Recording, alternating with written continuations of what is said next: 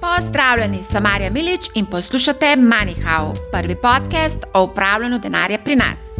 Ni potrebno imeti nadpoprečne dohodke, da začnemo pametno upravljati svoj denar. Pa vendar je plača za večino glavni vir dohodka. Kakšna pa je vaša plača? Ste zadovoljni z njo? Ima vaš kolega višjo plačo? Kdaj in kako do šefa pa povišati? O plačah, novih oblikah dela ter tudi priložnostih na trgu dela se bom pogovarjala s Tomažem Gorjupom, ki je direktor Stirije Digital Marketplaces, ki upravlja portale kot so boha.com, mojedelo.com, pa tudi portal plača.si, ki ponuja podroben upogled v plače po različnih poklicih, panogah in tudi drugih kategorijah. Pozdravljeni! Pozdravljena! Poletje je čas, ko marsikdo analizira svoje življenje, in glede na to, da preživimo tretjino svojega časa v službi, je pomembno tudi, da smo s delom v službo zadovoljni. Številne raziskave pa kažejo, da je le en od desetih zaposlenih zadovoljen s svojo službo. Kakšne so vaše ugotovitve raziskave in kakšni so dejansko glavni razlogi za nezadovoljstvo? Moje delo v svojem portfoliju upravlja tri različne raziskave. Ena izmed teh je tudi Global Talent Survey, v kateri Slovenci na prvo mesto postavljajo dober odnos s sodelavci, kar še v prejšnji raziskavi ni pojavilo niti na lestvici desetih najpogosteje izpostavljenih vrednot. Ravno tako med prvimi desetimi prioritetami na delovnem mestu ni bilo vrednota sklevanja zasebnega in poklicnega časa, ki se je uspelo še celo na drugo mesto. To je zelo velika sprememba od um, lanskih let, kar seveda pomeni, da se je nekaj tudi v celotnem življenju ljudi spremenilo. Edino, kar seveda lahko rečemo, da se je v zadnjem letu spremenilo, je bila res vpliv korone. Ker smo očitno ljudje začeli bolj gledati tudi na sebe, ne pa samo na finančno kompenzacijo, ki recimo v um, tej raziskavi za 2020 um, zaseda šele osmo mesto. Po tej isti raziskavi je približno samo 21%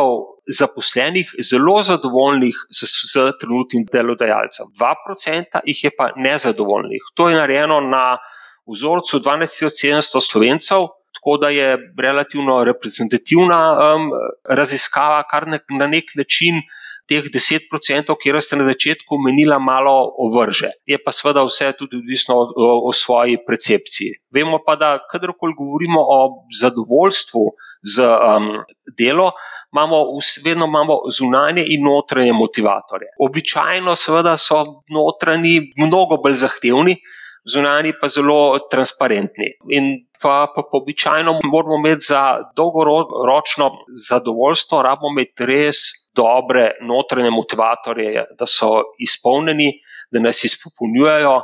Da vemo, zakaj hodimo vsak dan v službo, ali pa se priklapljamo vsak dan v službo, kako hočemo, Tako da ta del je tisti, kateri je najbolj pomemben. Torej, korona je precej vplivala na naše življenje in tudi na dojemanje službe, dela, veliko več cenimo prosti čas. Sva tudi ugotovila s to raziskavo.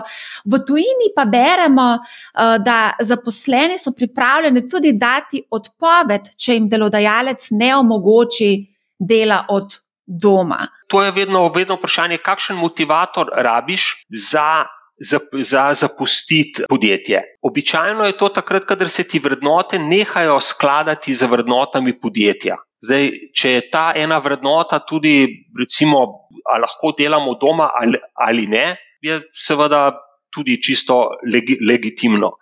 Kar je zelo presenetljivo tudi v um, tej raziskavi, da je okolje prijazno za delo, je zelo visoko na lestvici vrednot. In da nekje ta del, takrat, kadar delaš pa ti od doma, ne, je pa kakšno tvoje delovno okolje, tvoja pisarna ali tvoja kuhinja ali tvoja delovna soba, kar pomeni, tam si zelo domač. In tam je seveda tudi potem je ta vrednota zelo lepo izpostavljena in je izpopolnjena. Ne. Je pa sicer res, da um, je zdaj na koncu pandemije približno 90% ljudi pričakuje možnost kombiniranja fleksibilnega in stalnega delovnika. To so na nek način že pričakovanja, ki so bila katera so v Sloveniji sicer malo nižja, so približno 72%, pri čemer jih je to imelo prej, oziroma je delalo med pandemijo na ta način samo 27%. Kar lahko potem rečemo, da nekje naredimo en um, zaključek, da, da so ta pričakovanja se pojavila tudi zaradi veliko medijskega, recimo, pompa okoli tega. In potem seveda ljudje gledajo, da to bi bilo pa dobro, to bi bilo pa dobro, to bi pa tudi jaz. Ne?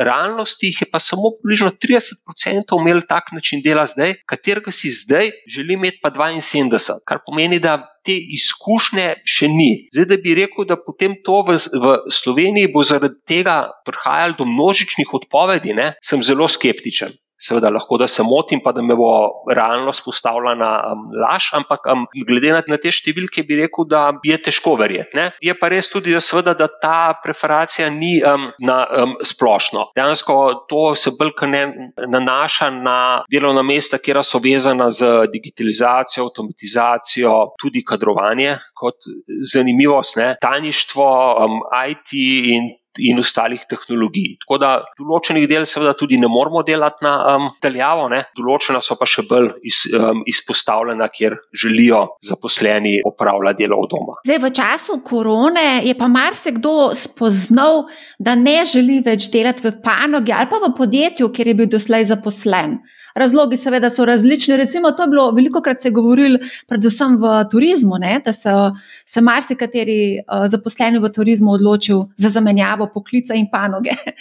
Ja, tudi v um, tej drugi raziskavi, katero imamo tudi mi, je pa Global Talent Survey, ki smo jo naredili skupaj z um, družbo Boston Consulting Group um, in mojega dela, ki je član um, Networka. Pa kažejo, da je že prej bilo približno 54% slovencev um, pripravljenih se prekvalificirati za novo službo. Kar pomeni, da to ni nekaj, tudi kar se je šele med pandemijo izpostavilo. Je pa seveda, kot vemo, vedno vprašanje med tem, ali si pripravljen ali pa narediš. Očitno je pa pandemija izpostavila ta del, da so ljudje bolj začeli izvajati to, kar so prej govorili. Je pa res to, da jih je verjetno v določenih branžah kar sama situacija pripravila do tega, da um, so hoteli ali ne morali. Tako da to je pač res, kar je. Ne. Smo pa tudi videli, da dejansko se um, v primerjavi z 2018. Mnogo več časa ljudje posvetijo osvajanju novih veščin, predvsem fokus na digitalno, na IT, in pri tem večinoma tudi uporabljamo digitalne um, kanale, kar je zelo, zelo.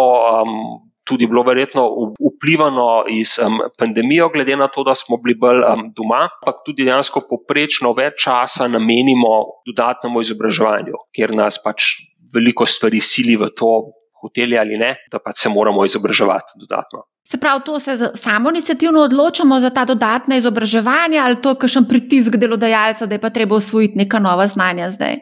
Pa, zdaj, zdaj sem tukaj lahko nekako moje lastne izkušnje um, povem. Um, jaz osebno ne verjamem v nobeno izobraževanje, katero je iz strani delodajalca prisiljeno. ne verjamem v nobeno, katero ni nima oseba lastnega interesa, da se nauči. Zaradi tega pri nas noben ni prisiljen, nič pa vam lahko rečem, da se veliko ljudi izobražuje in gre um, naprej. Veliko krat, ko se pogovarjam z ljudmi, ki niso zadovoljni s svojo službo, rečejo, da si ne morejo privoščiti dati. Odpoved. Kdaj pridemo do tiste točke, ko pa rečemo, zdaj pa tega dovolj, čas je za spremembo? To je zelo odvisno od posameznika. Um, tako da bi težko to komentiral, kar lahko seveda rečem, pa da se nekako nekak nanašam tudi na prej, kar smo govorili vedno je nekje ravnovesje med notranjimi in zunanjimi dejavniki, katero mora biti v nekje v sozvočju. In če tega ni, ne, tem hoteli ali ne, bomo prej ali slej se, se odločili, da bomo zamenjali službo. Veliko krat to ni zelo en, en, enostavno in tudi ljudje ne znajo tega narediti, se bojijo. Stopa do nadrejenega in reče, reč, da veš, veš kaj ne, jaz bom pa zdaj um, grem, adijo. In nekako veliko ljudi čaka, da pride do nekega konflikta, da ima potem lahko zaradi tega izgovor, da zaradi tega sem dal, ne pa zaradi tega, ker sem dubo jaz nekaj boljšega. Kar pa ni dobro, ne? zato ker Koncu, kakorkoli pogledamo, Slovenija je majhna. Karkoli se bo naredil v enem delovnem mestu, lahko verjamete, da bo zelo hitro prišlo okoli in se bo vedelo, ta je šel pa od tam zaradi tega, tega kar je bil, ni mogel tam se izkregu ali pa karkoli že. To je ena stvar, katera je seveda res, druga stvar je pa tudi ta, da nikoli ne veš, kdaj ti kakšna referenca pride prav. Dejansko referenca. Je tista, katero dobiš od predhodne službe, je največ vredna. Tudi ljudje se morajo zavedati, da ni dobro, oziroma rečem, je napačno iti iz službe v um, preperu, v um, slabem odnosu, res pa je, da včasih ne gre drugače. Ampak, če se le da, se poskušate izogniti temu. Osebno sem imel vse izkušnje že, tako da tudi pluse, tudi minuse, in vem, da se kdaj tudi ne moreš izogniti, kljub temu, da veš, da tega ne smeš. Deva se dotakniti mečkan Islandije. To je zdaj bilo v medijih precej odmevna novica in sicer Islandija je prva država, ki bo nekako upeljala štiridnevni delovnik. Eh, menda, da eksperimentirata s tem tudi Japonska in Španija. Nekatera podjetja so tudi samo inicijativno že uvedla te krajše delovnike, pri čemer je pa treba povedati, da bo plača ostala nespremenjena. Razlogi so pa ravno to, kar smo zdaj govorili, iskanje tega ravnovesja med delom in prostim časom, in pa poudarjajo tudi, da, bo, da je večja učinkovitost zaposlenih, če je krajši delovni čas. Ne? Ja, to je sigurno res, da na ta način imaš boljši. Vem, da so vse te študije tudi kažejo, da, da človek več kot šest ur intenzivnega dela ne more delati, zato da rabi več počitka, da tudi če delaš osem ur, tako si dve uri vmes si neproduktiven, ker um, moraš imaš počitek, moraš narediti, da kreativno se razvije, težje po tok pa tok časa dela.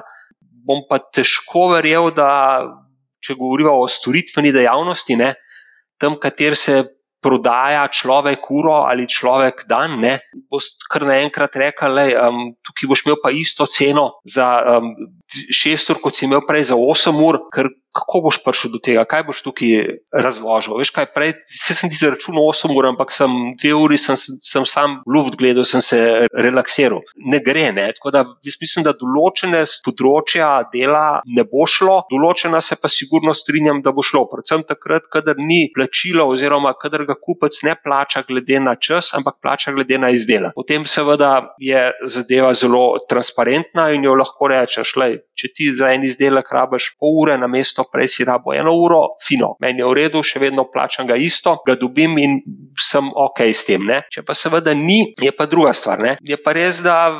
Pri nas, ne, v Sloveniji, kako pogledamo, nekako mi smo še vedno na um, stopni tega, da poskušamo uvajati fleksibilen delovni čas, ker tudi v večini firm še to ni um, upeljano. Ne, kar pomeni, da smo recimo korak ali pa dva zatem, ne, pa tudi tukaj imamo izjemne težave, predvsem, ker to je pa nekje zelo velika nevarnost, da um, gre naš privatni čas v nulo. Ne? Ker, um, seveda, če rečeš, ok, bom delal dve uri zjutraj, pa dve uri od 4 do 6, pa dve uri 10, a bo to res tako šlo?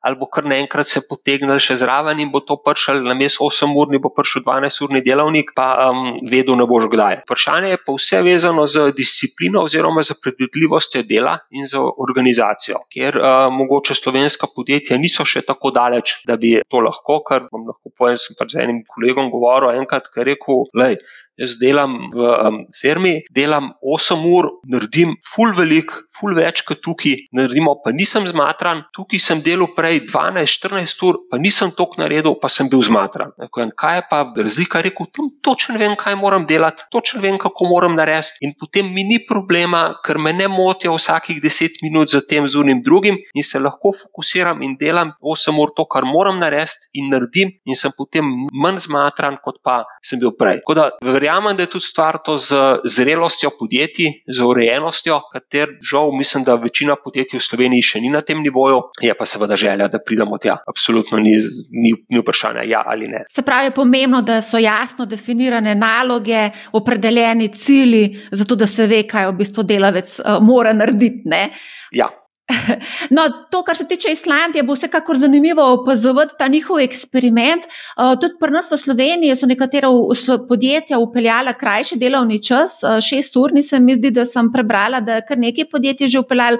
Tako da tudi to se mi zdi, da so že neke pozitivne izkušnje. O, sigurno. Deva se dotakniti zdaj plače, nekaj je bilo že temu uh, je bilo omenjeno. Zdaj, marsikdo iz javnega sektorja se mi je pohvalil, da je bila njegova plača v času karantene bistveno višja, kot je sicer, ravno zaradi teh dodatkov. In moram reči, da se mi je kar nekaj ljudi pohvalil, da so pa sedaj res zadovoljni s plačo, ne s temi dodatki. Ampak dodatki niso večni, dodatki so šli stran, oziroma bodo šli stran, in uh, potem bo udarila ra realnost. Ne. Konkretnih podatkov, bi rekel, za raziskavo za to nimam. Ne? To moram direktno povedati, kar pomeni, lahko um, povem to, kar so dobili tudi naši ljudje, kateri hodijo po trgu od, od podjetij. To v privatnem sektorju se ni zgodilo. Res je. Res je, da seveda um, to govorim na generalno. Seveda so določena delovna mesta, so se pač povišale plače, ampak ne zaradi tega, ker bi bili dodatki to, ampak zaradi tega, ker pač trenutno, pravico povedan, če spet tako rečem, IT-ovcev na trgu ni. Kar pomeni, če ga hočeš dobiti, ga boš mogel plačati več. In to je pač en del, so pa seveda tudi druga delovna mesta, katera so temu podvržena, tako da tam ja, ampak to nima veze z um, korono, ampak je bolj stvar z celotno situacijo na trgu dela. Ja, in kakšna je ta situacija na trgu dela? kdo zdaj zaposluje. Mislim, da je 8 odstotna stopna brezposelnosti, 71 tisoč brezposelnih oseb, kar je za petino manj kot lani v istem času. Največ brezposelnih je pa med mladimi in starejšimi od 55 leta. Kakšna je torej situacija na trgu, kdo ima težave pri zaposlovanju? 8-odstotna brezposelnost, ne vem točno, je to 8 ali 6-odstotna brezposelnost, je tista, katera je, katera bo vedno. To so ljudje, kateri ali ne želijo delati, ali dejansko niso sposobni delati, ali karkoli že, kateri imajo določene razloge, da ne. Iz tega vidika lahko rečemo, da smo mi, kako koli gledamo številke, že skoraj vsi zaposleni in da ni tistih, kateri bi iskali. Trenutno veste, da se išče zelo veliko proizvodnih delavcev, katerih je pri nas približno 30% vseh um, oglasov dejansko tudi toliko glasov, ki jih imamo zdaj, prvič povedano, še ni bilo že dolg časa. Odziv je relativno slab, zato ker tudi pač ni ljudi na trgu, tako da ta del je problematičen. Je res, kar vemo, tudi da v preteklih letih je bilo kar nekaj ljudi iz um, tujih držav, kateri so prišli sem, katerih zdaj ni, ker so zaradi korona krize šli nazaj. In seveda tudi teh ljudi to se zdaj, predvsem, ko se začne turizem spet odpirati, imajo tam izjemne težave dobiti kader, ker v mestnem času so se ljudje, ker ni bilo dela v turizmu, so pač mogli preživeti in so šli in so delali nekaj drugega. In so se prekvalificirali, so dali prišli na drugo delovno mesto. Ta del je nekako zelo kritičen zdaj. Ne?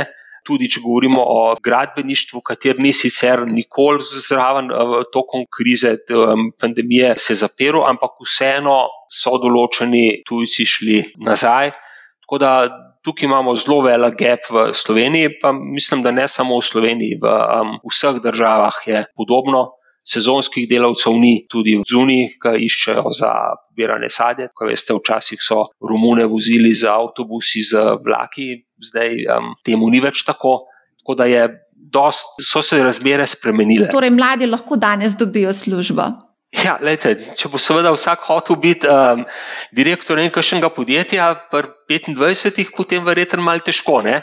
Če bo pa pripravljen delati, stopa tudi na kakšno ne tako senior pozicijo najprej, pa prek dela se pokazati, pa mislim, da ne bi smel biti težavno. Mi vidimo res dejansko, da prijav na delovna mesta ni veliko, jih je malo, je dejansko tako kot takrat v največjem času konjunkture, kjer um, ne, je bilo treba človeka, če si ga hotel dobiti, ne poklicati, se na oglase um, ne javi. Nismo še tam, no, ampak se približujemo um, temu um, trenutku, in je dejansko, um, se kažejo razmere na, na trgu dela kot zelo ugodne. Beremo pa tudi po časopisih, da mladi želijo delati za 2 do 3 tisočake na mesec, sicer ne bodo delali. Imate kakšno zanimivo statistiko glede samih plač, koliko zaslužijo recimo milenici ali pa kakšne so njihove želje?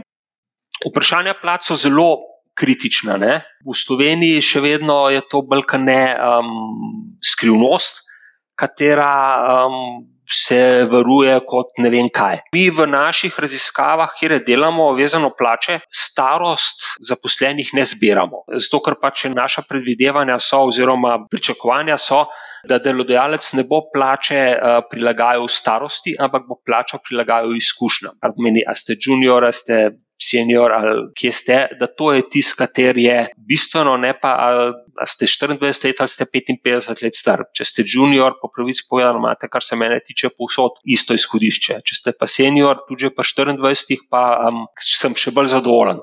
Tako da tukaj ni, ampak ja, pričakovanja so velika, um, seveda jih vse te zgodbe, kjer se tudi berajo od raznih icotov, pa raznih teh, pa drugih stvari, se zelo um, napihujejo, pričakovanja o plači.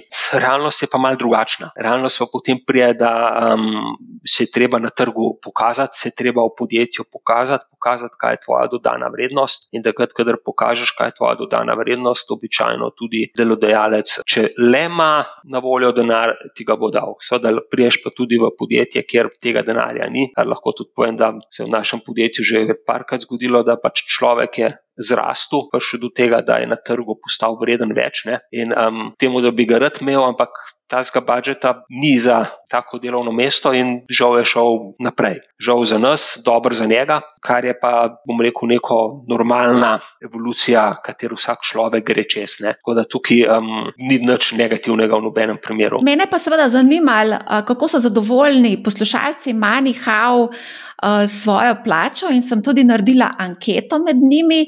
In sicer na Instagramu eh, je kar 60 odstotkov priznala, da svojo plačo niso zadovoljni, na Facebooku, kjer mi pa sedijo malce starejši, so pa povedali, da je 54 odstotkov zadovoljna svojo plačo. Kako smo sicer slovenci zadovoljni s svojo plačo? Bom tako rekel, ne, glede na to, da plača ni v ta najbolj bistvenih um, kriterijih, zakaj si ki je v službi, zakaj bo šel v službo, ne, bi lahko rekel, da ni zelo pomembna. Tudi iz vidika tega, da um, ljudje običajno ne menjajo um, službe samo zaradi plače, bi bil zelo skeptičen. Po drugi strani pa tudi med zadovoljstvom in nezadovoljstvom je velik razkorak. Ne? Če tako pogledam, jaz, če bi pogledal v firmi, če bom vprašal, koliko si zadovoljen s plačo, mi noben ne bo rekel, um, jaz sem zadovoljen, vse je v redu. Če pa rekel, da si nezadovoljen, sem pa siguren, da jih najmanj 95 ali pa 90 posto bo rekel, ne, nisem nezadovoljen. Tako da ta razkorak je zelo um, vprašljiv, po drugi strani pa tudi, kar ste omenili, um, um, um, vezano na starost, ne, bi, bi lahko rekel tako, ne starejši, kot smo ljudje, no, jaz sem vam za starega že, um, starejši, kot smo ljudje, bolj tudi znamo, imamo že določene osebne, um, eksistenčne um, potrebe zagotovljene, kar pomeni, ne rabiš več, recimo. Ne, jaz govorim generalno, ne me kdo mogoče ne razume, kot da je slabega. Ne rabiš več skrbeti za stanovanje, za te osnovne eksistenčne potrebe, ampak bolj več naprej. Sveda, ki si pa mlad, ne, rabiš pa mnogo več denarja, ker moraš si še celo stanovanje urihtati, um, ker seveda vemo vsi, da pri nas um, iti v najemno stanovanje ni isto tretirano, kot da imaš um, lastnega, um, tudi naša fleksibilnost tega ni tako uh, velika. Tako da so tudi pričakovanja in potrebe so drugačne. Ne. In tudi, recimo, ko si ene 30 let že um, delaš, ne, veš, kaj lahko pričakuješ, veš, kako je tvoja plača ocenjevanja, koliko se ti lahko da, in potem seveda se ti tudi tvoji osebni kriteriji zadovoljstva ali nezadovoljstva v določenem nivoju spremenijo. Lahko grejo gor, seveda lahko grejo dol. To je vedno vprašanje. Ampak um, z tega vidika rekel, da nisem nič presenečen nad temi številkami. Ne? Pa rekel, da pač seveda, kaj pa to realno, koliko je pa zaradi tega ljudje kakšnih um, naslednjih korakov se lotili, pa bi bil malce skeptičen. Ja, zato je pa treba stopiti iz cone obdobja, marsikdo pa eh, si ne želi iz cone obdobja, ker vsaka sprememba um, te kar pretrese in za nekatere je v bistvu menjava službe lahko izjemno stresna uh, situacija. Tako da, uh, ja, cona obdobja oziroma ne obdobja. Uh, Deva sam še pogledati plačo. Zdaj, trenutno povprečna slovenska plača je 1280 evrov neto. To je bila zadnja, mislim, da je bila izmerjena maja. Mar se kdo benti, da je ta statistika popolnoma izkrivljena in da so dejansko plače nižje? Težko bom sodel um, v tem. Um, lahko rečem samo to, da um, če pogledamo, kaj je minimalna plača. Ne? Minimalna plača, rekel, delač tega, da je to neki wow, ne? ampak um, vsaj nekaj je. Ne? Tako da če rečemo, da je minimalna je tisoč, pa še nekaj bruto, kar pomeni, da pridemo nekje 600, 650 neto. Ne? kar pomeni, če rečemo, da je, da je povprečna enkrat višja kot je um, minimalna, ne, rekel, da to ne bi smelo biti tako um, napačno. Ne. Razen seveda, če niso predpostavke, da je velika večina ljudi pri nas v Sloveniji na um, minimalni plači, ne. kar pa potem, mislim, če lahko malo spet osebnega rečem, veliko ljudi zelo težko živi, ker z minimalno plačo ni enostavno preživeti, je zelo težko, še predvsem, če imaš družino in um, če je tega tako velik, ne pol, um, res um, je ta del. No? Ja, minimalna plača se je letos dvignila januarja na 1024 evrov. Kako pa je vplivala minimalna plača? Na našo plačo, definitivno je minimalna plača vplivala na kreditno sposobnost slovencev, ne? Tega, kar mi vemo, ne, ja, minimalna plača se je dvignila, ampak to ni vplivalo na plače ostalih. To je pač se dvignil tisti najnižji del, ostali so ostali to, kar je. Kar um, se je tudi v kar nekaj primerih zgodilo, da so nekateri, kateri so bili prej mal um, više, zdaj prišli na minimalno. Tako da to je bil nekje problem, kar pomeni, da se tudi ni mogla mal um, dvigati, da um, so prišli na minimalno. Tako da ta del je uh, imel zraven. Ampak da bi pa zaradi tega nekdo, ki je bil dva ali tri plačilne razrede nad tem, zaradi tega šel na višji plačilni razred, oziroma da bi se vsi plačilni razredi zaradi tega zato dvignili, to pa po naših informacijah se ni dogajalo. Dobro, nam govoril, če je kakšna izjema, ampak um, na generalno temu ni bilo tako. Prej smo nekaj že omenjali, da te starostne diskriminacije v višini plače naj ne bi bilo, ne? Ja. Kaj pa spolna? Še vedno pogosto slišimo, sploh zdaj v zadnjem času je bilo slišati, da so še vedno razlike v plačilu med moškimi in ženskami za isto delo. Tega tudi ne ve, nimam empiričnih podatkov, kar pomeni, tudi spola ne zbiramo. Ker še enkrat bom ponovil to, kar sem prej rekel, to, kar se mene tiče, ni um, stvar razlikovanja. Lahko povem za prenos, pa to, kar jaz vem, da absolutno mi je vseeno, ali je on, ona ali ono. Bistveno je, da je delo narejeno v taki kvaliteti, katero je, in to je to. Drugo me, povedan, ne zanima. In tudi velika večina ostalih, s katerimi smo v kontaktu, um, govori isto, zdaj ja, tudi isto potem delajo, tega ne vem. Tudi nekako bi rekel, da bi temu mogli biti neki na tem, glede na to, da so vrednote, katera so tudi ljudem pomembne, so pomembne, kako se jih tretira, kako se jih dojema, kakšno imajo pozicijo v službi do nadrejenega. Tako da bi tukaj težko mi v ta sistem vrednot, katerega smo v raziskavah videli, to pa še rekel, ja, zdaj je pa tam, ki je pa ženska ali pa do katere mlajši, ima pa manjšo plačo, kot unka je pa starejši. Ja, ima recimo mlajši nižjo plačo, ampak nima zaradi nominalne, mislim, za osnovne plače, ampak zaradi tega, ker nima še dodatkov za delovno dobo ali pa karkoli drugih dodatkov, ki so zakonsko predpisani, ampak druge pa um, ne bi smelo biti. No. Ja, ne bi smelo biti, ampak marsikdo nam pač pove, da se dogaja tudi to, da pač se preferira določen spal za določeno delo. Žal tako je. Ja, možno vemo mi to, da tudi določene oglase dobimo, kjer se kdo zmoti, pa napiše um,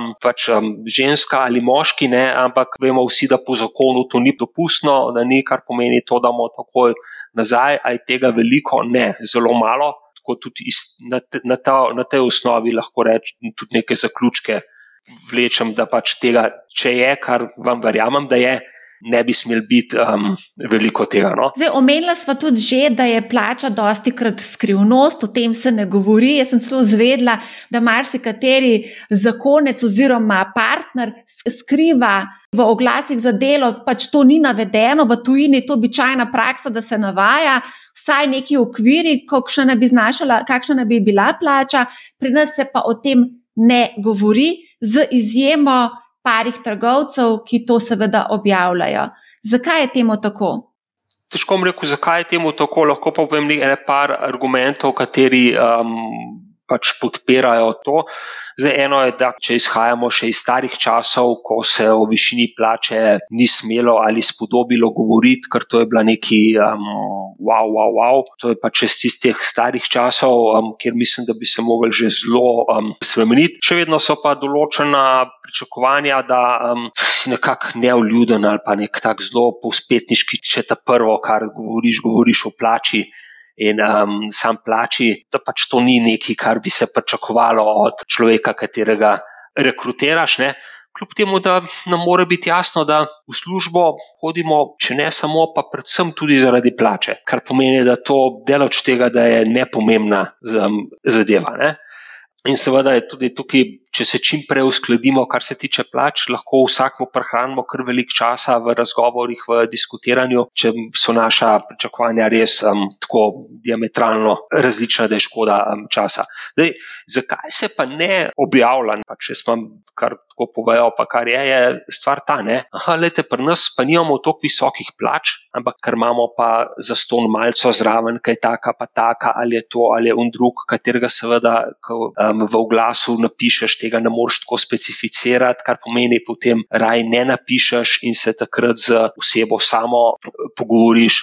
Ali pa rečejo, da je pri nas kdorkoli pride, v dvanga pa vložimo najmanj 2-3 ure na leto v izobraževanje, kar seveda tudi veliko in pomeni več kot pa višja plača, in tako naprej. Kar pomeni, veliko je teh razlogov, zakaj se z plačo ne gre predvsem zaradi tega, če je preniska, ne, seveda, če je pa previsoka, imaš pa drug način razmišljanja, le če kdo pa je tukaj, da pa vlad, pla, plača 10 ur, se bomo pa vsi parjavali, pa bomo ful ljudi, ki bojo se hoteli sem prijeti zaradi plače, ne pa zaradi mene, zaradi podjetja, zaradi vsega, kar tukaj nudim. Tako da imaš obe skrajnosti in potem konc koncu se kar nekaj pripršla neka mantra, da to se pač ne um, govori. Ne? ne bi pa hotel še tretjega povedati, res, ampak to je pa tisto, da, kot vemo, še vedno je v Sloveniji relativno neurejeno to področje, kar pomeni, da um, priješ tudi v podjetja, ki ti rečejo, da je tvoja plača minimalna, ampak veš kaj, duhovoš pa 500 evrov v potnih stroških na mesec. Še zraven, ne? in uh, seveda tega ne more napisati v glas, ne? kar pomeni, um, je to to, ali pa preko nekih drugih, take kot sive ekonomije, se te stvari dogajajo, kar vemo vsi. In to so pač vse nekakšni neki dejavniki, kateri na to um, vplivajo. Ne. Pri seveda trgovcih, to, kar ste omenili, ne, eni pa lepo jasno povejo, to je to, tu je, če te zanima, pridi, če ne pa ne. Kaj boš delo, je točno jasno, kje pa kako. In nam ulajšaš čas, če ti je to premalo, da prideš sem, in smo vsi happy.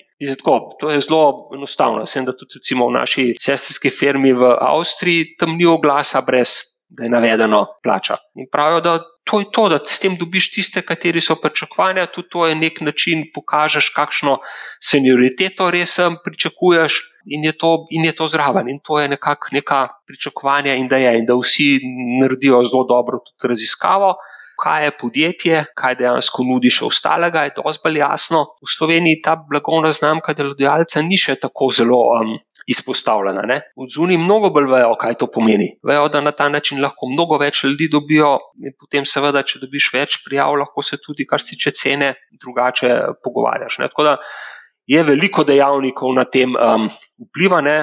se pa bojim, da mi ne bomo še kar nekaj časa prišli do tega, da bo to postalo um, javno. Glede na to, da se pa za konca o tem ne pogovarjata, pa ne vem, um, jaz bi tukaj vprašal, kakšen zakon je to, ne pa kaj je z um, plačo, pa z tem narobe. Ampak dobro, to so spet jaz. Um. Se mi zdi kar na mestu ta uh, argument, kakšen zakon je to, ne, če se v, tak, v tako pomembnih stvarih ne pogovarjaš. Ja. Je pa res tudi to, da marsikateri mlad človek, ki vstopa na trg dela, nekako pričakuje več, kot dejansko potem je na trgu. Se informacije v bistvu praktično ni o tem, nikjer, ne? kakšna je višina plače v določeni panogi za določeno delo. Zdaj prek vaše spletne strani plača.si tam lahko vidimo, recimo, približno kaj lahko pričakujemo uh, na nekem delovnem mestu.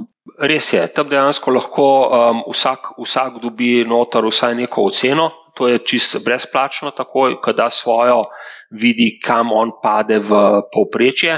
Če seveda plača, mislim, da je 4,99, dobi um, še več podatkov, podjetja imajo pa um, drugačen paket, katera ima pa drugačno um, analizo, kjer dobijo pa še bolj poglobljene podatke za uh, posamezno regijo, za posamezen segment, no, za vse skupaj. Tako da je dejansko podatki so dosta um, zanimivi, no, um, pokažejo veliko. Tudi, tako, ko smo jih drugače gledali, pa delali določene analize, so posamezni podatki taki, da je marsikdo rekel, da to pa ne velja, ker je prišlo do tega, da seveda v Sloveniji, ukorkoli so določene plače, ful visoke, ko so imeli občutek, da v Sloveniji so pa ful nizke v primerjavi z drugimi državami. Um. Ali lahko kakšno zanimivost izpostavite? Vem, da smo enkrat gledali prav za IT-ovce, ko smo to in smo prišli do tega, da je v Sloveniji imamo nadpoprečno um, plačane, v, tudi v primerjavi z razvitimi državami, imamo nadpoprečno um, IT-ovce plačane, kljub temu, da marsikaj na IT-ovcu tukaj misli, da je plačan um, zelo nizko. Res da potem so argumenti, ja, ampak to so bruto, ne pa neto zneski um, in tako naprej. Ampak um, to je to. Je, kako pa je v primerjavi s tujino, naše plače v primerjavi s tujino? Ste kdaj to gledali? Smo, zdaj smo, zdaj, na zadnje je bila raziskava tudi uh, o, o življenjskem standardu in je pokazala, da je življenjski standard slovencem pod poprečjem 27-terice EU. Bete, težko vam tukaj sodel, um, rekel, da tega nisem naredil na ta način um, analize. Dejansko je, da ko pogledamo, kdorkoli je delal kdaj v tujini, ne, ve, da tudi Slovenija, ne, kot celotna okolica, kot celotna družba, je zelo lepa. Uh, imamo zelo veliko benefitov in dejansko tudi tiste podatke, ki ste prej rekli, da ljudje zapuščajo službe zaradi tega, ker nima več možnosti dela v doma. Ne. Bi zelo verjel, kar je tudi res, da v tujini je to mnogo bolj pre, um, preferirano, ker tam seveda tudi pot na delo lahko traja tudi dve ali več ur. V Sloveniji je to, dobro, sigurno kdo tudi je to, ampak je to bolj ne izjema kot pa pravilo. Tujini je pa to skoraj pravilo. Tako da te stvari si jih včasih ne znamo, da tudi gor na tehtnico, da vidimo, kje imamo na um, drugi strani mnogo več benefitov, katerih pa se nam zdijo samo, samo po sebi pomembne, da jih pač kar naenkrat pričakujemo posod. Nedavno smo se pogovarjali z enim fantom, ki živi že praktično več kot deset let v tujini, dela v Londonu za razne start-upe in nam je povedal, da je v bistvu sprejel nižjo plačo, vendar v zameno je dobil delnice podjetja podjetje oziroma delež v podjetju. Pri nas take prakse je ali ni taka praksa? Jaz lahko osebno povem, da ja, je taka praksa. Je taka, so podjetja, večinoma so pa to kakšni start-upi oziroma uh, podjetja, katera. V katerih se ne vlaga veliko financ, ampak je treba uložiti um, delo. In seveda, takrat, kadar niso to finančno zelo um, agresivna um, podjetja, tam se lahko reče, da tvoje delo se bo dalo v delež, katero pride. Vse, veste, sama, veste, da vsi dejansko en izmed najbolj takih uspešnih stvari je bil outfit, kjer je to um, zelo uspešno prakticiral in je um, dejansko imel tam izjemno lojalnost ljudi in izjemno delovnost, in se je izkazalo to kot zelo pozitivno. Seveda, če boste pa rekli, da, bo da boš to naredil v kakšni um, tovarni, ne, kjer pa seveda je stvar, koliko vložiš noter, koliko je tega, pa je delo, samo ima majhen delež v contribution marginu, bo pa to šlo težko. Ne? Je pa veliko ljudi pametnih in raje rečejo, da na ta način motivirajo ljudi, da dajo. Pa po drugi strani pa imajo tudi moment, ne, kater je, da se tega verjetno poslužujejo, verjetno vse poslužujejo tisti, kateri um, še nimajo neke finančne, um, nekih finančnih obveznosti, kateri morajo vsak mesec plačati um, kredit, kateri morajo plačati to pa to. Ampak tisti, kjer tudi v redu. Lej, če dva, tri mesece nam dubu, sem že preživel, um, je ok, ne, pa če grem tukaj na zelo nizko vse bom že, sej stisnem zase, pa imam pol več. Ne. Je pa to riziko, ne. lahko da pol ni pa nič. Ne, pa glih en kolega je šel isto ne, in je na koncu stal brez vsega. Tako da tudi v Sloveniji. Tako da um, stvari niso zelo take samo lepe. Ja, res je, res je. Zdaj, ko omenjate lojalnost, ja, koliko smo pa mi lojalni? Recimo v tujini, ko smo se pogovarjali z pač temi eh, ljudmi, ki delajo v tujini, eh, so povedali, sploh v startupih, da se nekako pričakuje, da bojo službe menjavali na leto ali dve, in če si dlje časa v neki službi, je lahko že mal, mal problem. Kako pa pri nas v Sloveniji s to lojalnostjo? Pri nas smo uh, naredili spet to um, raziskavo, kjer um, je pokazalo, da si približno 22% anketiranih želi zamenjati delodajalca v naslednjega pol leta, kar je veliko, medtem ko jih pa crka 30% ne planira spremenjati v naslednjih štirih letih, kar je tudi zelo veliko. In seveda tisti, ki zdaj pravijo, da ne želi zamenjati v naslednjih štirih letih, sem zelo skeptičen, da je bilo večina teh, da so glih kar zamenjali službo. 22% je kar um, visok. Je pa res tudi to, da seveda zdaj, um, tokom pandemije, so se določene stvari zelo spremenile, um, so dobili občutek, da lahko se to da. Je pa seveda tudi vprašanje, še enkrat, kaj so vrednote tebe, zakaj menjaš um, službo. Ne, če govorimo mi dva o tem, da greš ti delati od doma, ne, je lojalno zelo težko doseči. Če govorimo, da je um, vrednota, kako se, kakšno je spoštovanje do zaposlenih, kakšno imajo delovno okolje in tako naprej. Kar meni ni neke lojalnosti. Če malo skarikiram, ne, če si programer, ne, pa delaš od doma, a ti je zelo pomemben, da delaš za Google ali Facebook ali Unga.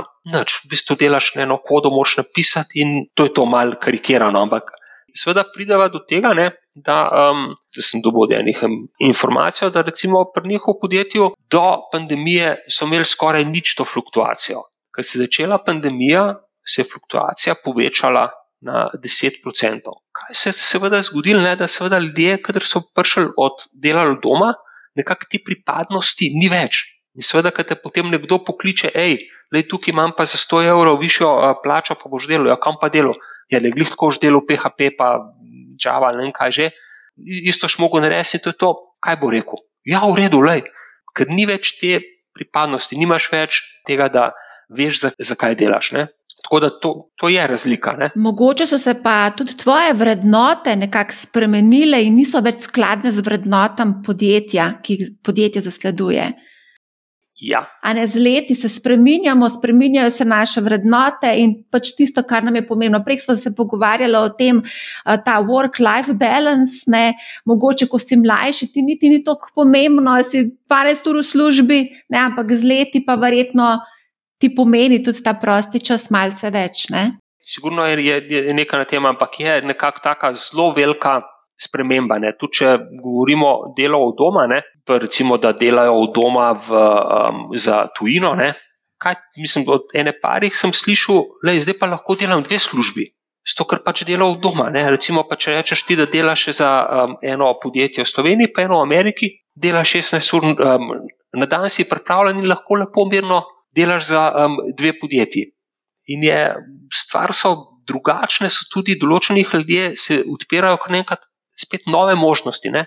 Jaz lahko več, če sem pripravljen delati, če sem dober, lahko več. Nisem omejen samo na en um, del. Ne? Ja, lahko si pa omejen s kakšno klauzulo. Ja, to so detajli, ampak potem pa zbereš tistega, kar nisi. Zdaj, kaj ne rečem. Vse je odvisno, kaj so prioritete, pa kaj želiš doseči. Ne? To je res. Ja. Uh, še eno zadevo sem opazila. To so mi tudi povedali, uh, fanti, ki delajo, slovenci, ki delajo v tujini. Da delodajalcu ni pomembna izobrazba, pač pa izkušnje. In številni v bistvu sploh niso dokončali uh, faksa in so na podlagi izkušenj dobili kar lepe pozicije v pomembnih podjetjih, globalnih. Ne? Če rečemo tukaj, tukaj moramo potem seveda v Sloveniji kot prvo ločiti um, dva segmenta: javni sektor in privatni sektor. Javni sektor vemo, da izobrazba, izobrazba, izobrazba, drugo je bolj kaj ne pomembno. Privatni sektor se pa že leta in leta vse bolj približuje um, temu sistemu, katerega um, so oni tudi v tujini videli. Nismo sicer še tam, ampak se vse bolj um, približuje. Predvsem se pa izobrazba v slovenskih podjetjih, ker je, s katerim koli sem se pogovarjal, brka ne gleda ne iz tega vidika, kaj znaš, kaj imaš diplomo, ampak da si pridobil delovne navade. da si pridobil učne navade, da si, pa, da si imaš neko disciplino. Iz tega vidika je to pomembno, ne toliko, um, da je pač um, samo papir ali diploma ali kako rečemo temu, um, da je tam, ampak da pokažeš svojo osebnostno lastnost tudi preko tega. To je vse več um, podjetij tako gleda to, ne pa, ali je to ekonomska, ali je to elektro, ali je to um, naravoslovna, kjer je, ampak je ta del. Na teh drugih stvarih so pa seveda izkušnje. Če boš enega prodajnika vzel, boš kaj gledal, kjer ima največ kontaktov, obeleženci, da ti zga lahko pride, da bo več naredil delov, ne? pa ti bolj, ne vse, ima osnovno šolo ali pa tako šolo, ne? ker ima osebne relacije do um, kupcev izjemno dobre. Kakšni drugi pa seveda, če delaš pa res visoko strokovno delo, ki je pa rabaš imeti res tisto strokovno znanje, težko bi si predstavljal, da bi rekel, da je nekdo, ki zdaj um, razvija cepivo za um, COVID, da vse ima delovne izkušnje v redu. Pa ga bomo kar vzeli, pa diploma mi ni važna, pa doktorat mi ni važen. A bi se cepili s takim cepivom? Ne bi, kljub temu, da lahko da je čist v redu. Ampak... Jo, no, če bi eh, znanstveno dokazali, da je cepivo v redu, pod črto, je relevantno, kdo ga je razvil. Ima... Občutek ljudi, kater to vam pride, je popolnoma drugačen. Kljub temu, da znanstveno dokažemo vse, da je to tako, ne? veva tudi zdaj iz trenutnih razmer, kjer so, da je percepcija pa ta del mnogo močnejši kot pa dejstva, katera so na um, mizi, pa kera govorijo zelo v eno smer, ampak percepcija govori pa v drugo smer. No, zdaj, ko omenjate percepcijo, pogosto mi povedo razni strokovnjaki, pa svetovalci, da je ljudem zelo pomembno, da imaš pred imenom in preimkom DR ali pa mag ali pa prof. Nazivi so pomembni za nekatere. Ampak, vse veste, kaj pravijo. Da tudi, če uh, imaš neko diplomo ali pa če imaš magistrski naziv ali pa doktor, doktorski naziv, ne pomeni, da si pa ti največji strokovnjak. Ne, tudi tako, recimo v Avstriji ne, je ta naziv in diploma zelo, zelo bistvena imajo vsi. V Sloveniji vemo, da je dosti manj, veliko ne v takih res strokovnih eh, podjetjih ali pa tistih, kateri imajo neko željo po izpostavljanju tega naziva. Za Avstrijo pa lahko povem, da tam se pa vsi z svojimi nazivi podpisujejo in so um, spoštovani magistr, spoštovani doktor, tako da to je um, mnogo, mnogo bolj razširjeno kot pa uh, v Sloveniji. Zanimivo. Gremo se dotakniti sodobnega načina dela, recimo temu, kot digitalno no, nomadstvo. Eh, zdaj sem ugotovila, da eh, je za digitalne nomade postala zelo privlačna Hrvaška. Kako je recimo s tem pri nas, z digitalnim nomadstvom? Če tu misliva, da je digitalno nomadstvo, da jaz kot um, slovenc se preselim na Hrvaško in delam v Hrvaškem, tudi da se prijavim kot um, davčni zavezanec na Hrvaškem, to je ena stvar. Če govorijo samo o tem, da jaz delam kjerkoli za katero koli podjetje, je druga stvar. Jaz bi se nekako te druge lotil, kar davčno um, se ne bi hotel to, ker tudi ne poznam veliko. Tukaj vam lahko rečem to, da je. Um, da Po naši raziskavi, da so države, za katere bi Slovenci radi delali, ne? najbolj so Avstrija, Nemčija, Velika Britanija, ZDA in Avstralija. To so um, države, v katerih bi Slovenci radi delali na ta na udaljen nastop. Ne? V Sloveniji bi pa radi delali nekako ljudje iz Srbije, Kosove, tudi Avstrije, Mačarske, Belgije. Tako da tam imamo um, kar nekaj ljudi, ki bi hoteli delati za slovenska podjetja iz Avstrije. Tako da očitno tudi mi nismo tako zelo nezanimivi za um, druge. Če govorijo še o tem, da je um, v Sloveniji, ne, je tudi po tej um, raziskavi, ne, je približno 66% vprašanih pripravljeno delati na ta način, kar je tudi velik procent. Kar pomeni, tukaj seveda ljudje vidijo možnost boljšega zaslužka, brez da zgubijo komoditeto države, vsemi naravnimi lepotami, vsega strotne infrastrukture, katero mislim, da še vse Slovenija ima veliko tega, kar se ga veliko krat ne zavedamo. Tako da ta procent je zelo uh, visok, kjer je seveda tudi večji, kot je nekako povprečen uh, procent, tudi če govorimo iz um, ostalega sveta, kjer je pa 57 procentov. Kar pomeni, pri nas v Sloveniji je skoraj 10 procentov ljudi več, kot je um, nekako v um, svetu pripravljeno delati na ta način. Kar da tudi spet določen del imeli podatka, mislim, podatka, da pač pri nas smo še očitno bolj lačni dela v tujini kot kjerkoli druge. Digitalni nomadi, to so v bistvu bolj svobodnjaki in niso nekako vezani ne na lokacijo, ne na delodajalca. Ja, kje dela, dela, a gre, a se fizično takrat sedi na Hrvaškem, v Sloveniji ali tam, to nismo spraševali, tega nismo um, šli v to, ampak bolj za koga bi delal, pa bi bil pripravljen delati. Ker seveda je drugače, da delaš ti za eno podjetje v Avstraliji. Ne? Ali pa delaš za slovensko. Za slovensko lahko zelo hitro priješ tudi fizično sem, v Avstralijo boš malo težje prišel zelo hitro tja. A ste mogoče še kaj drugega ugotavljali, kakšen profil je to, kaj upravljajo, kakšne, kakšna dela upravljajo? Večinoma je tega sigurno iz um, IT industrije. To je sigurno tisto, kar je največ, ker to se najlažje vidi, da se lahko naredi, pa se tudi najlažje kontrolira. Seveda so pa tudi druga, kot so uh, marketing, tudi trženje, prodaja, ker seveda tudi tukaj lahko narediš veliko digitalno. Trenutno je tudi celotna situacija za pandemijo pokazala, da lahko veliko tudi prodajnih sestankov narediš preko videoklicev, kar nekako kaže, da to je možno. Tako da to ni nobene, um, da bi rekel, samo IT-ovci. So tudi drugo, ampak pač ta IT je pa ta, ki je najbolj izražen, že tudi zaradi tega, ker je najbolj, če tako rečemo, tudi digitalno izobražen in uh, ima tukaj mnogo boljše predispozicije kot pa druga delovna mesta. Mogoče lahko dodam tukaj, da so tudi uh, borzniki taki, ki delajo na različnih lokacijah za razne investicijske banke. Čeprav zdaj je prišla tudi vest od JP Morgana in še ene investicijske banke, da zahtevajo, da se zaposleni vrnejo nazaj na delovna mesta. Grejo čisto v kontrasmer in so celo tudi povedali, da so pripravljeni riskirati svoje najboljše talente, če se pač slučajno odločijo, da ne bodo prišli nazaj v službo, v pisarno. Mislim, gledajte, vse to je na nek način tudi nekje pričakovano, ne? kar ti človeka, ne? če je samo lojalen računalniku, pa samo svojemu FIU, kjer je tam zraven, ga boš zelo težko zadržal za daljši rok. No, ko govorimo zdaj o IT-jevcih, tudi z nekaj, kar nekaj IT-jevci sem se pogovarjala glede samega plačila. Eh, še nedolgo nazaj mi je kar nekaj teh. Um, IT strokovnjakov povedalo, da so bili plačani za delo v kriptovalutah. Kako je zdaj s tem? Mi do tega tukaj še nismo prišli, no, v našem, bi pa verjel, da, um, oziroma vem tudi sam v določenih primerih, v kakšnih ICO-tih, kateri so dejansko šli s tem, da tam so tudi plačvali na ta način. Je to vedno vprašanje, tudi kako je to davčno z vsemi temi zadevami porihtano, ker mislim, da je to zelo bolj tako na um, šejki ali pa tudi ne, pa da, da ne vem veliko stvari, ampak iz tega vidika je vprašanje. Po drugi strani, da bi rekli, da bo to postalo kot standardno plačevanje, mislim, da smo še nekaj časa v tem oddaljeni, ampak.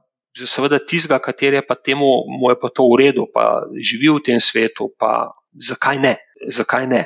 Je to zelo dobro, da, da pokaže tudi podjetja na nek način fleksibilnost, prilagodljivost. Da, da. Mislim, da je pa v Sloveniji še vedno večina podjetij zelo um, klasičnih in se tega še nekaj časa ne bojo šli. Še enkrat upam, da se motim. Ampak... Glede na to, da imamo poletje, oziroma je poletje, da gremo na počitnice, želimo malo sklopiti, sabatikal.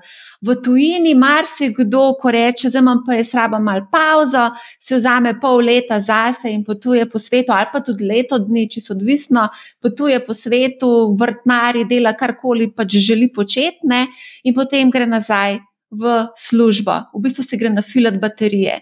Kako je zdaj s tem pri nas, sabatikal? Mislim, kukar jaz vem iz uh, izkušenj, katere sem jaz nekje um, slišal, ne, to pri nas ni masovno, masovna praksa, daleč tega pa tudi, da, ni, da tega sploh ni. Obstajajo, je seveda to običajno prijaš do tega, da aha, ti si zelo pomemben del mojega podjetja, rajko, da te zgubim, lej, pet za pol leta na sabatikal ali pa leto na sabatikal, pa potem priti nazaj, kot pa da te či izgubim. Ne?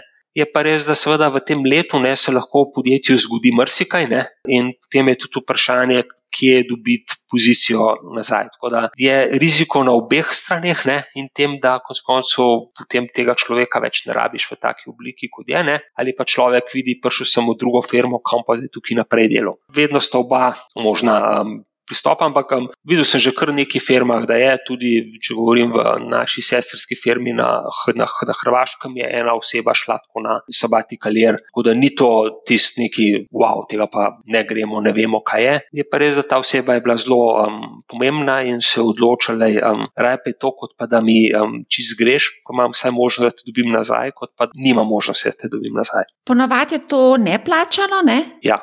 Ponavadi je to neplačano, brkane je ta del, da se ti samo prispevki plačujejo, ne? ali pa um, še to ne, da imaš samo zasigurano službo, ko priješ nazaj. To je odvisno, kako se um, spogajaš. Ja, zanimivo bi bilo to videti, kako bi šef odreagiral, ko bi stopil do njega in rekel: Jaz bi šel pa na sabati kalijerne. za mojega vem, kako bi rekel, bi rekel izvoli pa je za sabati kal never ending, tako da vse je v redu.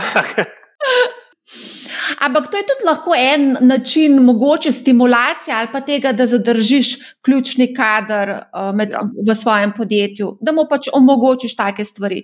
Sigurno. Kaj pa recimo še je nekaj takega, kar bi recimo nekako vezal človeka na podjetje? In mogoče s kakšnimi stimulacijami, nagradami, vem, izleti. Veste, kako ne, sem tako pošten. Ne? Vsak človek ima svoje vrednote, ima svoje tisto, kar ga notranjo izpopolnjuje. Ne? In seveda v vseh teh nagradah je bistveno, da tebi je notranje izpolnjevanje. Ja, če je bonus finančni v redu, tudi to je nek način motivacije, kateri je najlažji, ta je najbolj trivialen in, in, in najlažji. Najbolj tak tudi vrednost ima, da se tvoj nadrejeni ali pa potrudi in te razume, kaj je res tisto, da tebe motivira in ti da to. Ker denar je, denar lahko da vsak, mislim, mislim, da lahko da vsak, to je najbolj tako trivialno. Ampak da ti ve, da pa reče, da na to izobraževanje pej takrat, ker vem, da ti je na, na, na, na, na je pa to kar naenkrat ni več vreden samo unega Jurija 2 ali kako koli, ampak je vreden, wow, on pa razmišlja o meni, on me pa gleda, on pa vidi, kaj bi bilo v redu, pa me razume, pa ve, kje je. In kar naenkrat dobi ta nagrada čist druge dimenzije. Je pa seveda to pa pomeni, da mora biti pa um, nadrejeni mnogo bolj nekako v stiku z svojimi ljudmi, mora razumeti ne samo poslovno, ampak tudi na nek način osebnostno, pri privatno, kar pa seveda zahteva drugačen način dela. In drugačen način vodenja, komunikacije. Ja. Čez drug odnos, ampak ravno šef je tisti, ki ustvari pozitivno klimo v podjetju, oziroma neko vzdušje, neko to okolje, v katerem v bistvu danes govoriva. Tako da vse se začne tam gor, pri vrhu. Vse se začne gor, pri vrhu. No, ko govorimo zdaj o tem vrhu, kako recimo naj nekdo od teh 60 odstotkov mladih, ki je odgovorili, niso zadovoljni s plačo, kako naj stopijo recimo jesen do šefa in rečejo, da želijo povišek. Kako je najbolj, da se pripravijo na to? Seveda, kot prvo, ne, kdorkoli se, se tega koraka um, pristopi, ne, mora najprej razmisliti, kaj je res njegova dodana vrednost in koliko on da dodane vrednosti podjetja in da je ta dodana vrednost res tudi dojeta kot dodana vrednost. Ampak to je tisto prvo. Ker narediš to domačo nalogo pri sebi, vlastnem, potem lahko narediš in ovrednotiš in rečeš, da je to pa to je tukaj, to je tukaj, to je to. Mislim, da si zaslužim tukaj več, ker sem na teh stvareh naredil toliko več in bom še naprej delal toliko več, kar pomeni, da bo tudi podjetje dobilo več od mene. Seveda, idealno je, če imaš tako delo ali pozicijo, da lahko rečeš, ah, gledaj jaz sem ti pa prinesel 100 ur več na leto dobička, kar pomeni, da mi 10% tega, da je meni, um, je, je to to. To je tisto najbolj trivialno in, in idealno. Večina ljudi nima tega luksuza, če tako rečem, ne? kar pomeni, morajo dati mnogo več um, priprav. In seveda potem vsak šef, če prideš pripravljen s tem, ne? najmanj kar je te bo poslušal. Ni sigurno, da bo rekel ja, ampak najmanj kar je te bo poslušal in se bo pogovarjal. Tudi s tem, seveda, daš čist drug, drugo pozicijo, drugo svojo svojo vrednost, ne, ker pokažeš, da jaz razumem, kaj je moja vrednost, jaz razumem, kaj moram dajati in to dajem in se pripravljam dajati še več. In to je tisto, kar šef bo težko rekel, veš kaj, kote. Ne rečem kaj, ne bomo noč. Ne? Seveda, vedno je tudi vprašanje, ali budžet obstaja ali ne. Tako kot sem prej rekel, za moj case, ki sem imel človeka, ker vem, da si zasluži več, vem, da lahko dobi več, ampak lej, če nimam v budžetu tega denarja, ga ne morem dati pol. Um, sorry, ne, pa je pa seveda tvoja odločitev, a, da greš ven ali pa da tukaj pogledamo kakšen drug način stimulacije ali pa nagrajevanja, če ti je to um, v redu. Drugega nijam. Žal je pa redko se zgodi obratno, da bi šef samo od sebe rekel: Wow, tebe pa zelo cenim, zaslužiš si višjo plačo ali pa dobiš nek ekstra, ekstra bonus. Mislim, tako rekel. Um, Jaz osebno sem to že parkrat naredil. Tudi pred kratkim sem od mojega šefa doživel, da je rekel, da je tukaj pa ekstra bonus, to pa to. Ni to tako nemogoče, je to stvar vodje, kako vodi, kako razume, kako gleda na ljudi. Če so seveda ljudje samo v njegovih pogledih kot orodje, tem tega sigurno ne bo naredil. Če so pa ljudje kot nek res osebnost, neka dodana vrednost, kar je, pa bo naredil. Sem tudi, mislim, nisem samo en, zdaj sem tudi že večkrat doživel v svojem lastnem primeru, da je to prišel um, iniciran iz um, stališča um, vodstva, ker pač nisem. Imel to, če lahko tako grdo izrazim, to jajc, da bi šel tja in rekel, um, da je skočen pa tukaj več. Ne. Sem se samo odtrgal, da sem delal več v svojih čist mladih letih, ampak um, se je kazalo in sem imel srečo, da sem imel tazga šefa, da je to um, cenil in je tudi uh, pokazal na različne načine, ne samo z denarjem, tudi z drugim. Z tega vidika sem imel relativno dobro um, šolo z primeri, ne pa samo z um, čeka čeka. To je ful dobro, kar ste povedali zdaj, zaradi tega, ker je pomembno tudi konec koncev za zaposlenega, da izbere pravega šefa, ne, da se bo dobro počutil v podjetju, v katerem dela. Ne. Običajno zbiraš šefa, ne. zato je pa ta odnos, kater je je pomemben. Ne. Moram povedati to, da je pa za presenetljivo, kar sem tudi pogledal, to raziskavo, ki imamo, ne, da je, mislim, da je crka 30% ljudi, ne, jim je pomembno, kako podjetje samo vpliva tudi na ekologijo, na okolje. In dejansko več kot 40% ljudi ne, ne bi šlo delati v podjetje, katero ni ustrezno um, ekološko usmerjeno. Kar je pa še bolj zanimivo, ne, kar me je kritično, ne, da ta procent je, mislim, da 45% pri starejših, pri mlajših je pa samo 30%. Kar pomeni, da mlajših ne zanima toliko. Um, Ekologija, kljub temu, da imamo vsi zelo polna usta za, za otroke, gre, ampak otrok pa očitno nismo uspeli naučiti, da um, morajo tudi oni sami to, um, dati to um, vrednost na to vrednoto na mal višji nivo. Tukaj imamo mi, mislim, da še kot starši ali pa karkoli že še veliko dela, da naučimo svoje otroke, kaj so vrednote in kako naj grejo naprej, ne samo v besedah, ampak tudi v um, dejanjih. Zanimivo. Ravno naslednji podcast uh, bo o vrednotah in ESG investiranju. In jaz sem tudi kontra ugotovila, da milenici zelo radi investirajo v podjetja, ki sledijo ESG smernicam. Ta razkorak je bil za me presenečenje, ker bi prej rekel, da je obratno ali pa vsaj enako, ampak um, tako je. Ja. No, ko zdaj govorimo o tem, o ekologiji, recikliranju, a se lahko na hitro dotaknemo samo še ene zadeve? Sveda. Bauha.com. Jaz ja. zelo spodbujam uh, vse, poslušalce, bralce, vedno sem, da v bistvu uh, se poslužuje te ekonomije delitve, se pravi sharing economy. In reciklirajo, in kolobarijo z opremo, in pač večkrat uporabijo kakšno zadevo. Tako da tukaj, doskrat poslužujem se tudi spletne strani boha.com, uh, prodajala sem pa tudi preko Let Go. Jaz moram reči, da sem kar tako aktivna prodajalka.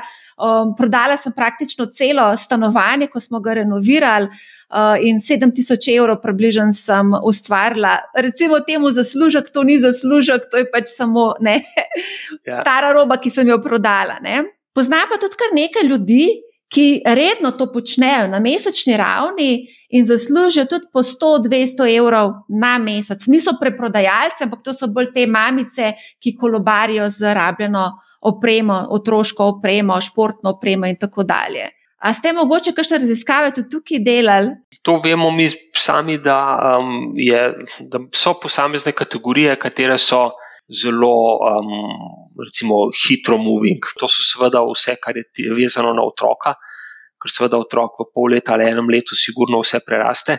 Običajno takrat, če ni tu tega ponosa, ker ni imel niti časa. Je pa dejansko tudi naša mantra Bohe je Empowering Circular Economy, kjer delamo tudi s tem za um, naravo, za svet, za, za ekologijo. Uh, dej, seveda, zaslužki so zraven na nek način motivacije ljudi, zakaj bi to delali, ker seveda, če sam za ston ni tok.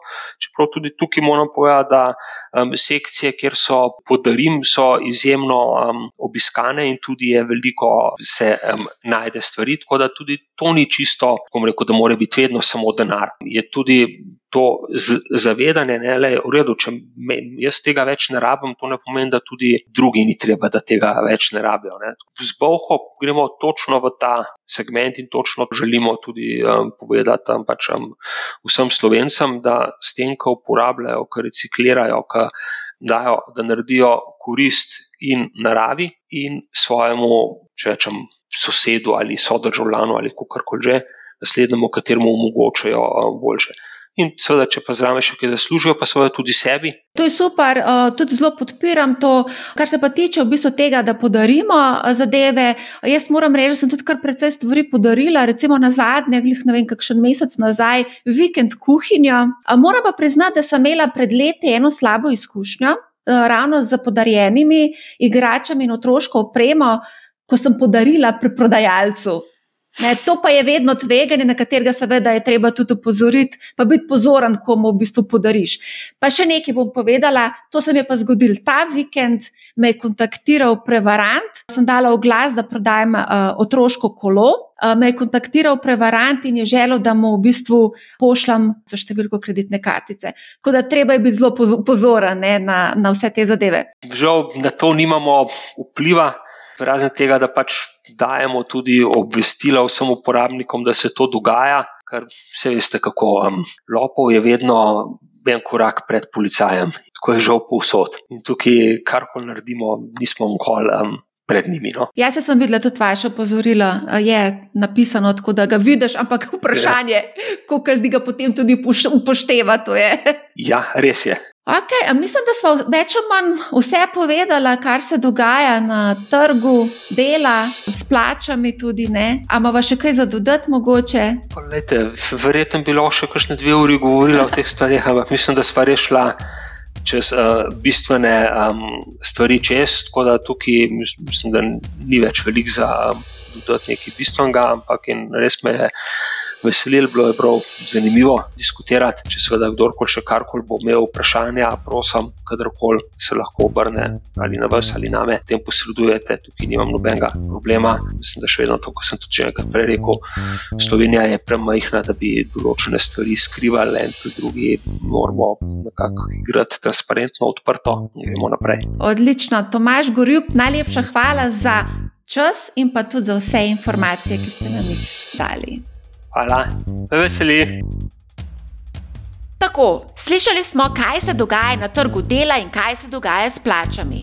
Službe za tiste, ki imajo ustrezne veščine, so.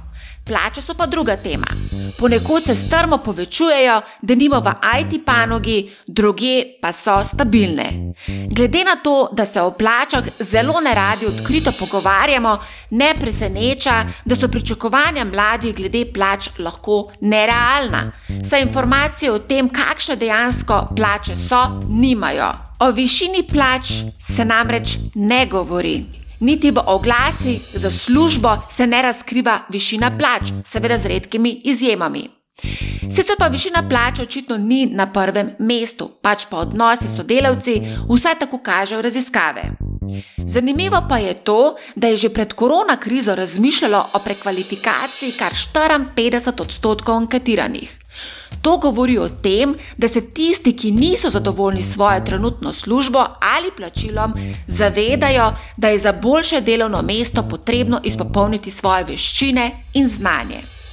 Korona kriza pa je verjetno marsikoga naučila, da se lažje prilagodi spremembam, kot je morda o tem razmišljal pred letom. Mogoče je obogaten s to izkušnjo pripravljen stopiti tudi iz cone udobja. Izkoristite poletje za razmislek o tem, kaj si želite v življenju početi. Tretjino svojega časa namreč preživimo v službi in če vam okolje, šef, sodelavci, plača ali karkoli drugega krati spanec ali povzroča stres, razmislite o spremembi. Bodite aktivni, prijavite se na kak portal za delo, posodobite svoj življenjepis, pogovorite se s šefom, izobražujte se, raziskujte. Če imate kakršno koli vprašanje, mi pišite na marja.afnabusinessspace.com ali preko katerega od družbenih omrežij. Naročite se na podcast Manihau, zelo bom vesela, če boste posredovali informacijo o podkastu prijateljem, znancem, sorodnikom in vsem, za katere menite, da bi jim vsebina lahko koristila. Poslušajte Manihau, ne bo vam žal. Lep pozdrav!